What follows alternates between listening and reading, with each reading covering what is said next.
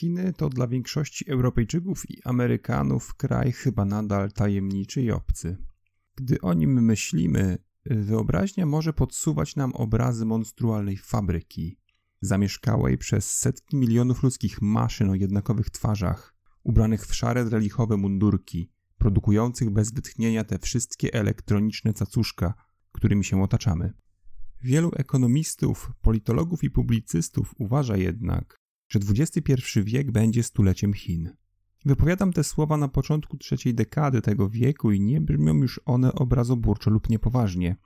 Wystarczyło ledwie 50 lat, a może nawet mniej, by Chiny przeszły drogę od kraju słynącego z zamordyzmu, cuchnących gumą trampek i masowo produkowanej tandety, do chyba już pierwszej ekonomicznej potęgi naszego globu, która w niespełna 30 lat wydobyła niemal pół miliarda swoich obywateli z ubóstwa. Historia nigdy o czymś podobnym nie słyszała.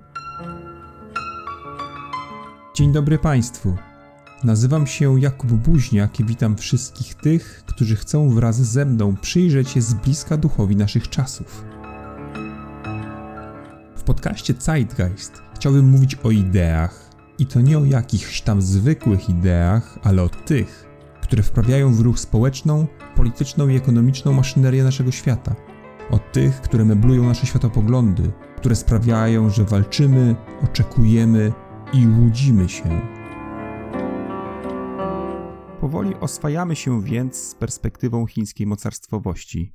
Wszystko wskazuje jednak na to, że chińskich apetytów nie zaspokoją wyłącznie gospodarcze sukcesy, i że kraj ten chce sięgnąć po globalną dominację także w wymiarze politycznym. Chce więc stworzyć coś, co nazwano Pax Sinica pokojem na prawach Chin. Jeśli mu się to powiedzie, konsekwencje tego dotkną nas wszystkich, a świat, który znamy, zostanie wywrócony pod szewką do góry. Chcąc zrozumieć, jak może wyglądać nowa chińska era, musimy przyjrzeć się ideom, które organizują życie społeczne i polityczne tego państwa czyli ideom, przez pryzmat których Chińczycy postrzegają obecny świat, swoją w nim rolę i jego przyszły kształt. Mentalność mieszkańców państwa środka kształtowała się przez długie wieki i nie zdołamy zrekonstruować tego procesu w kilkanaście minut. Pozostaje nam więc założyć siedmiomilowe buty i dać kilka susów po chińskiej historii, przybliżając jej najważniejsze wydarzenia. Qi Shi Huang. Oto człowiek, który położył fundamenty, na których przez tysiąclecia spoczywał i nadal spoczywa gmach chińskiego państwa. I to przez niego nazywamy ten kraj tak, jak go nazywamy. To on w 221 roku przed Chrystusem tworzy cesarstwo chińskie, kończąc tym samym erę walczących królestw. Qi Shi Huang to wielki budowniczy i reformator. Ujednolica pismo, wprowadza wspólną walutę, która pozostaje w obiegu do 1911 roku. Odbudowuje też Wielki Mur. Historia zapamięta go jednak jako wielkiego tyrana, bezlitosnego autokratę, który brutalnie podporządkowuje sobie ościenne ludy i narzuca im jedną kulturę. Dokonując tego, pierwszy cesarz pali konfucjańskie księgi, a uczonych zakupuje żywcem. Wszystko to po to, by ujarzmione państwa nie miały do czego wrócić, by ich przeszłość i tradycja zostały trwale wymazane. Zabieg ten przynosi powodzenie. Polityczny projekt pierwszego cesarza, pomimo niezliczonych kryzysów, przetrwa kolejne dwa tysiące lat. Qi Shi Huang jest przy tym owładnięty pragnieniem nieśmiertelności. Nakazuje więc, by 700 tysięcy robotników wznosiło dla niego ogromne mauzoleum. Zajmuje im to 40 lat i pochłania mnóstwo ludzkich istnień.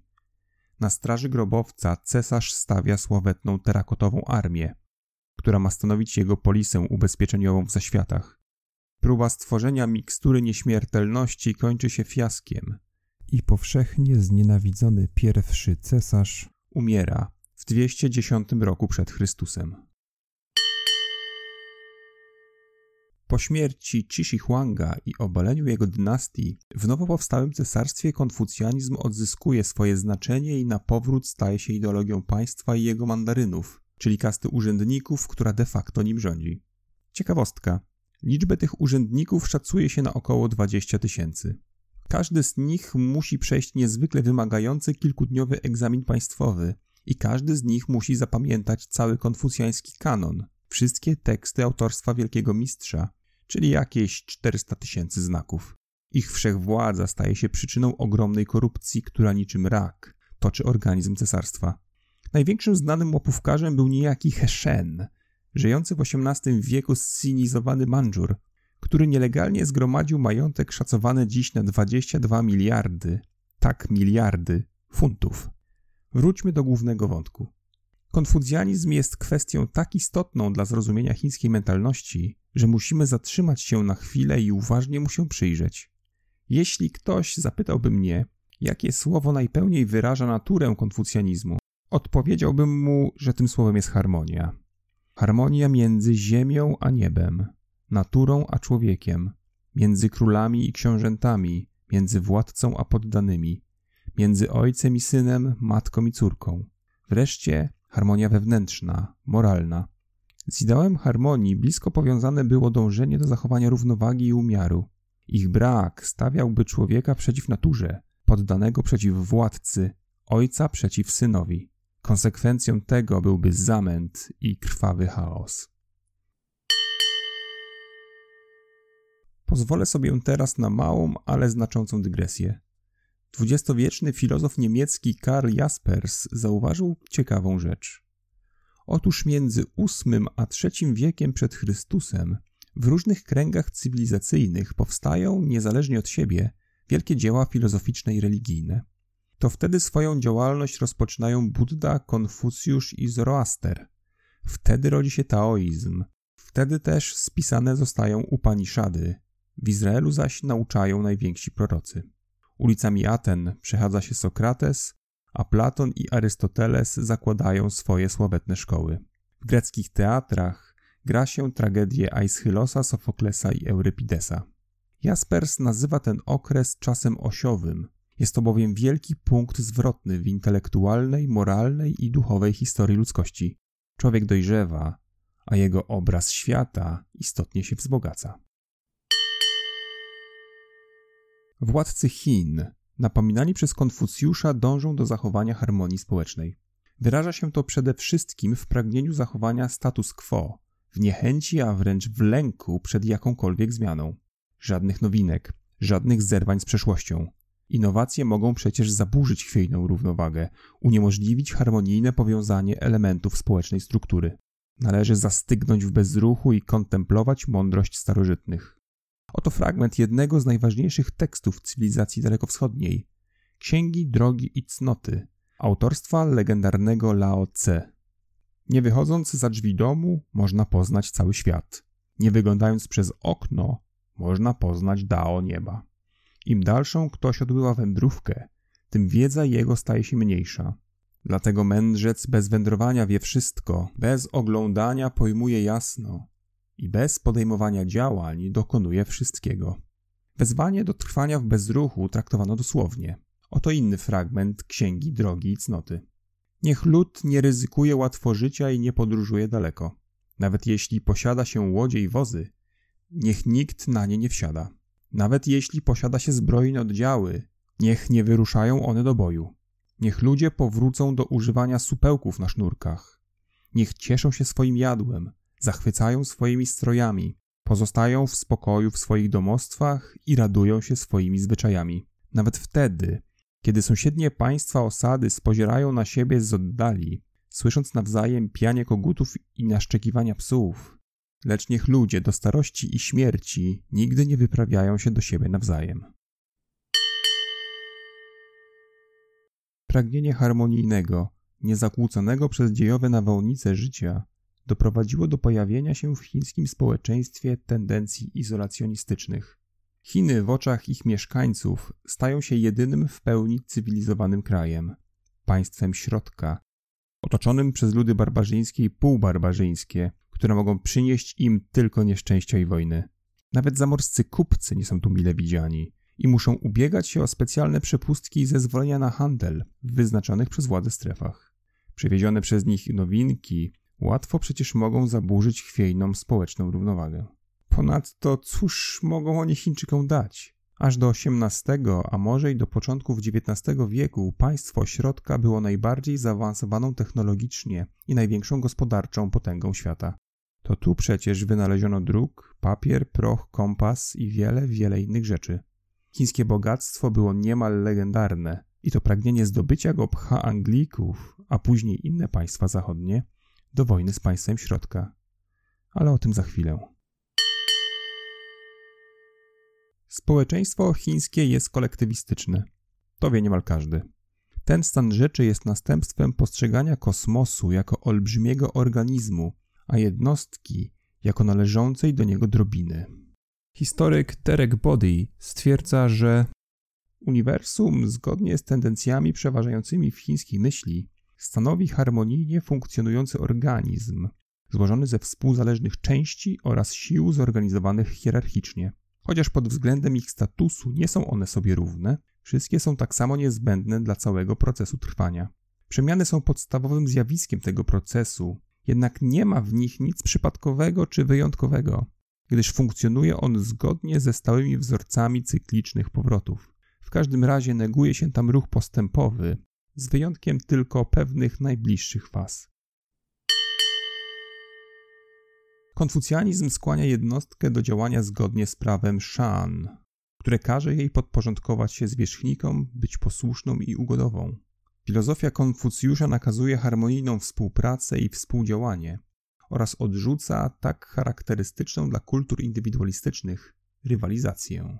Widzimy zatem, że kulturę chińską od zachodniej odróżnia swoisty introwertyzm, skierowanie do wewnątrz, statyczność oraz próba harmonizowania stosunków międzyludzkich poprzez odrzucenie rywalizacji i waśni oraz poprzez akceptację hierarchicznej struktury społecznej, w której każdy zajmuje z góry określone miejsce. Sprawia to, że cywilizacja chińska nie jest tak żarłocznie ekspansywna jak nasza, atlantycka.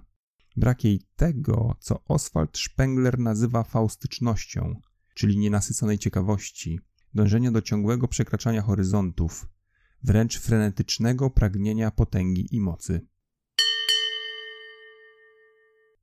Chińczycy, w przeciwieństwie do ludzi Zachodu, nie cenią też wojny. Warto przypomnieć, że jeszcze całkiem niedawno wojna dla białego człowieka była powszechnie akceptowanym instrumentem polityki. Zgodnie ze słynną definicją Karla von Clausewitza, pruskiego wojskowego i teoretyka, była ona po prostu kontynuacją polityki, prowadzoną tylko innymi środkami. W myśl jego teorii wojnę należało prowadzić w możliwie największej skali i dążyć do bezwzględnego pokonania przeciwnika, nawet za cenę ogromnych strat po obu stronach. Takie postrzeganie natury wojny niewątpliwie przyczyniło się do krwawego przebiegu dwudziestowiecznych światowych konfliktów. Chińczycy, jak przystało na uczniów największego stratega tego kręgu cywilizacyjnego, osławionego Sun Tse, sądzą zaś, że wojny należy wygrywać w ogóle ich nie prowadząc. Należy po prostu stworzyć sytuację, w której wszelki opór ze strony przeciwnika będzie daremny, następnie uświadomić mu beznadziejność jego położenia i zaoferować takie warunki pokoju, które pozwoliłyby mu zachować twarz. Jeśli by okazało się to niemożliwe, to chcąc zrealizować swoje strategiczne cele, należy wykorzystać możliwie najmniejsze siły i środki, uciekać się do forteli i podstępów oraz zawsze kontrolować przebieg konfliktu, bacząc, by nie wymknął się on spod kontroli i nie przerodził w krwawe piekło. Podsumowując, można nieco metaforycznie powiedzieć, że europejscy strategzy grają w szachy, zbijają więc bezlitośnie figury przeciwnika. Chińczycy zaś grają w Wei Chi, czyli po naszemu kropki, okrążając przeciwnika i pokazując mu, że nie zdoła on uciec z ich sideł i że najrozsądniejszym wyjściem z sytuacji jest zaakceptowanie stawianych mu warunków. Władcy Chin doskonale zdają sobie sprawę z kruchości ładu społecznego, który stworzyli. Wiedzą, że tak pożądana przez nich harmonia łatwo może przerodzić się w Dong Luan, czas wewnętrznych niepokojów, buntów i waśni. Ogrom Chin sprawia, że rebelie i powstania są kosztowne, trudne do stłumienia, mają też zazwyczaj bardzo krwawy przebieg. Pamiętając o tym, wróćmy do rozważań historycznych. Lata 40. XIX wieku, mając na nogach siedmiomilowe buty, możemy śmiało przeskoczyć 2000 lat. To niewątpliwie punkt zwrotny w historii Chin. Państwo środka toczy z Wielką Brytanią tak zwaną wojnę opiumową. Jej celem jest zmuszenie władz chińskich do wpuszczenia na ich rynek dużych ilości brytyjskiego opium, czego cesarstwo sobie nie życzy.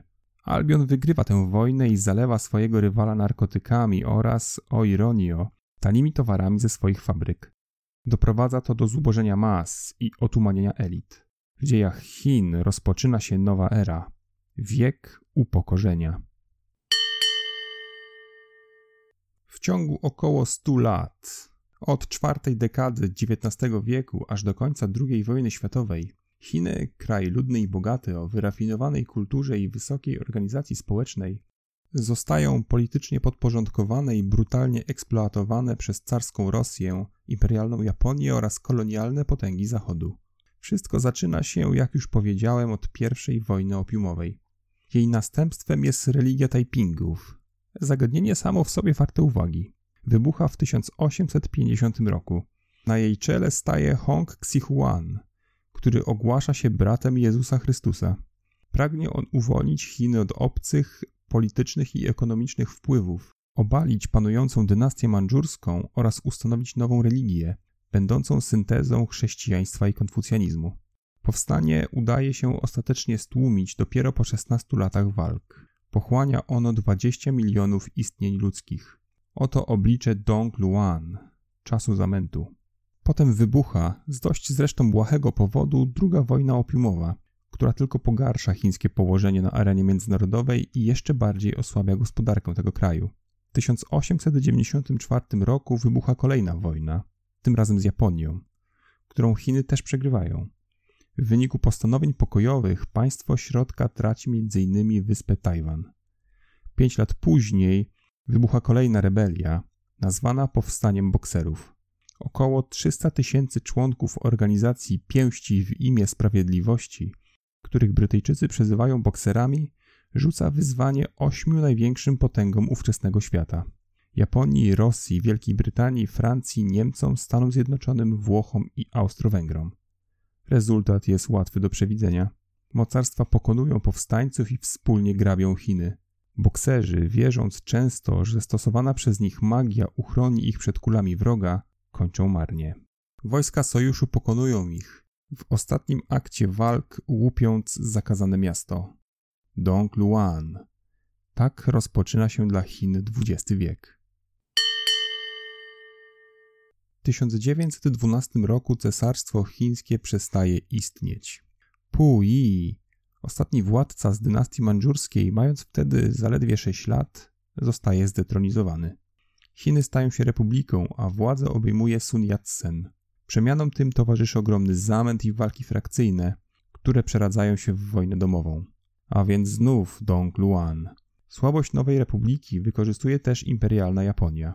W 1931 roku jej wojska zajmują Mandżurię. W 1937 wybucha zaś druga wojna japońsko-chińska. Ma ona niezwykle krwawy, momentami wręcz bestialski charakter. Do historii przechodzi zwłaszcza rzeź Nankinu, której armia japońska dopuszcza się na przełomie 1937 i 1938 roku, a która pochłania, według niektórych szacunków, nawet 300 tysięcy istnień ludzkich.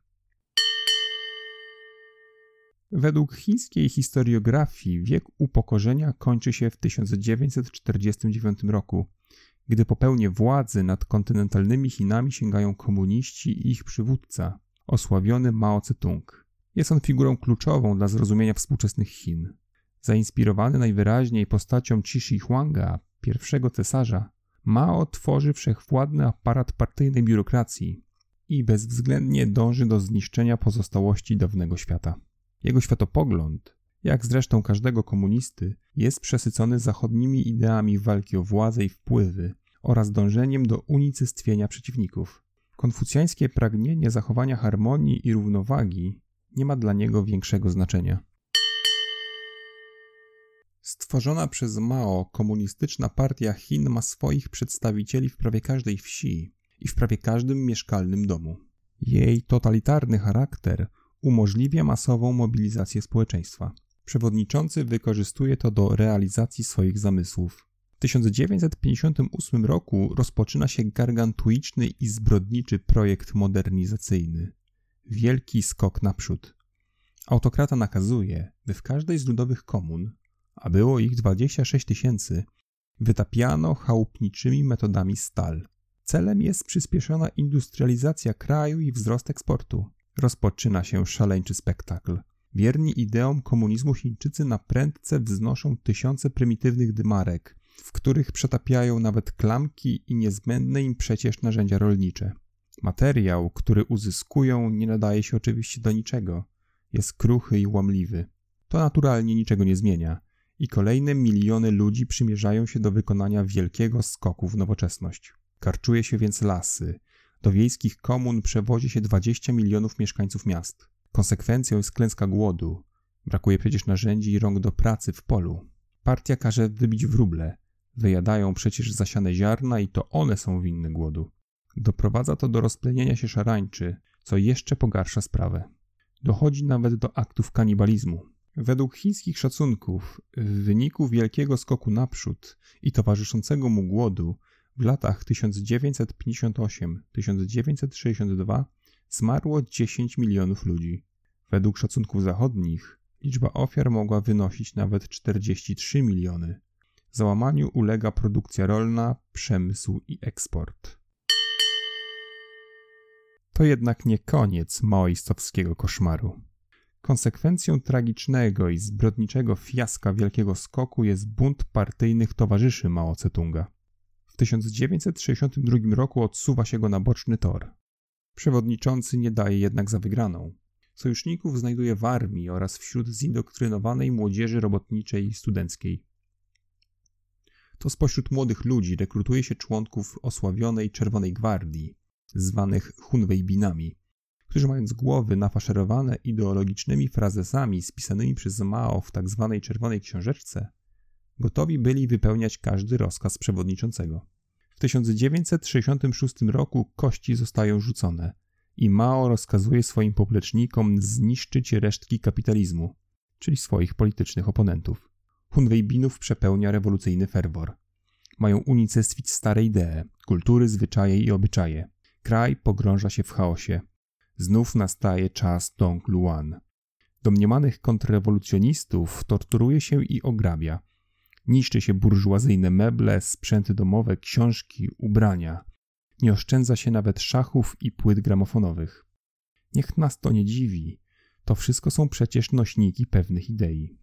Nie można śpiewać już kołysanek, puszczać latawców. Zakazuje się urządzania wesel i pogrzebów. Uczniów zachęca się do nękania nauczycieli, a studentów do gnębienia akademików. Hunwejbini rabują muzea, niszczą dzieła sztuki i bezcenne zabytki chińskiej kultury. Przeszłości ślad dłoni nasza zmiata. Czy nie tak brzmi jedna ze strof międzynarodówki? Mao osiąga swój cel. Czerwona Gwardia rozprawia się z jego oponentami, upokarza ich, kilku morduje. Hunwejbini stają się jednak nieobliczalny. Przewodniczący wzywa więc wojsko do przywrócenia porządku w kraju. 14 milionów młodych fanatyków trafia do obozów pracy. Zwycięski Mao zostaje otoczony boskim niemal kultem. Przejdźmy teraz do najnowszej fazy chińskiej historii.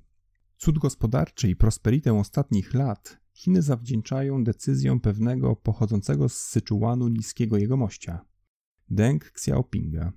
To on rozpoczyna pod koniec lat 70. XX wieku wielkie reformy ekonomiczne. Dzięki zainicjowanemu jeszcze przez Mao Tse-tunga zbliżeniu ze Stanami Zjednoczonymi i Zachodem, deregulacji gospodarki oraz taniej i zdyscyplinowanej siły roboczej, Chiny szybko stają się fabryką świata. Rozwinięte gospodarki inwestują tam olbrzymie pieniądze. Chińczycy uczą się organizacji pracy i kradną nowe technologie. Setki milionów mieszkańców prowincji migruje do miast, zwłaszcza tych na wybrzeżu. Gospodarka zaczyna rozwijać się niezwykle dynamicznie, choć często kosztem środowiska naturalnego. Nikogo to jednak nie obchodzi. Komunistyczna partia Chin w obawie przed nadmiernym wzrostem populacji wprowadza. Tak politykę jednego dziecka.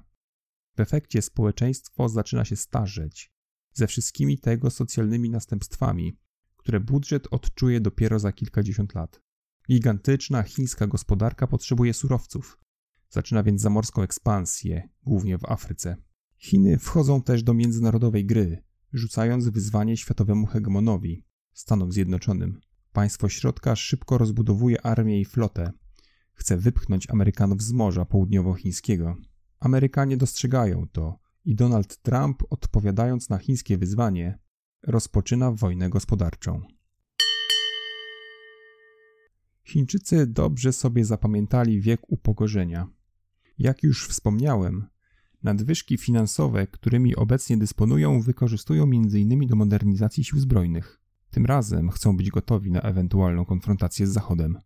Elity tego społeczeństwa dobrze znają też swoją historię i mają świadomość, jak kruchy jest porządek społeczny. Wiedzą, czym jest Dong Luan. A zarzewi konfliktów jest w Chinach wiele. Obecny w naszych mediach i zwesternizowany Hongkong, Tybet czy muzułmański Xinjiang. W tych miejscach niepokoje i niezadowolenie szybko mogą przerodzić się w otwarty bunt. Ponadto bogacące się społeczeństwo rozwarstwia się, ekonomiczne nierówności pogłębiają się. Jeśli do tego dodamy jeszcze problemy demograficzne i dużą liczbę samotnych młodych mężczyzn, nie powinno nas dziwić, że autorytarna chińska władza tworzy tzw. Tak system oceny obywateli, czyli coś, co każdemu Europejczykowi jawi się jako ziszczenie orwellowskiego koszmaru. Wspomniany system to narzędzie inżynierii społecznej. Ma on skłonić obywateli Chińskiej Republiki Ludowej do lojalnego i oddanego realizowania zaleceń Komunistycznej Partii Chin. System ten, dzięki sieci milionów kamer monitorujących każde chińskie miasto, pozwala na stałą inwigilację i ocenę mieszkańców Chin. Jeśli zachowują się aspołecznie, przykład śmiecą, nie spłacają na czas rat kredytu lub zachęcają do odsunięcia rządzącej partii od władzy, tracą systemowe punkty. Gdy w tym dziwacznym rankingu spadną poniżej określonego poziomu, nie kupią biletu lotniczego lub kolejowego i nie wynajmą pokoju w czterogwiazdkowym hotelu. Dalszy spadek, jak zakładam, może skutkować skierowaniem delikwenta do obozu reedukacji. Władze nieustannie doskonalą ten system. Na zakończenie przeprowadźmy, drodzy słuchacze, eksperyment myślowy. Wyobraźmy sobie, że Chiny pokonują Amerykę w globalnej grze o dominację i zostają pierwszym mocarstwem świata. Udoskonalony przez nich system oceny obywateli pozwala kontrolować społeczeństwo, karając niepokornych i nagradzając lojalnych. Innymi słowy, chiński eksperyment kończy się powodzeniem. Zadajmy sobie teraz pytanie, jak reagują na to inne państwa? Czy przypadkiem nie naśladują Chin? Czy nie wprowadzają podobnych, sprawdzonych przecież rozwiązań? Jak więc wyglądać będzie Pax Sinica, o którym wspomniałem na początku audycji? I czy jest to świat, w którym chcielibyście żyć? Dziękuję Ci za wysłuchanie odcinka podcastu Zeitgeist. Cieszę się, że duch naszych czasów nie stępił jeszcze Twojej intelektualnej ciekawości. Chciałbym też zaprosić Cię na kolejną audycję i życzyć Ci, by świat nigdy nie przestał Cię dziwić.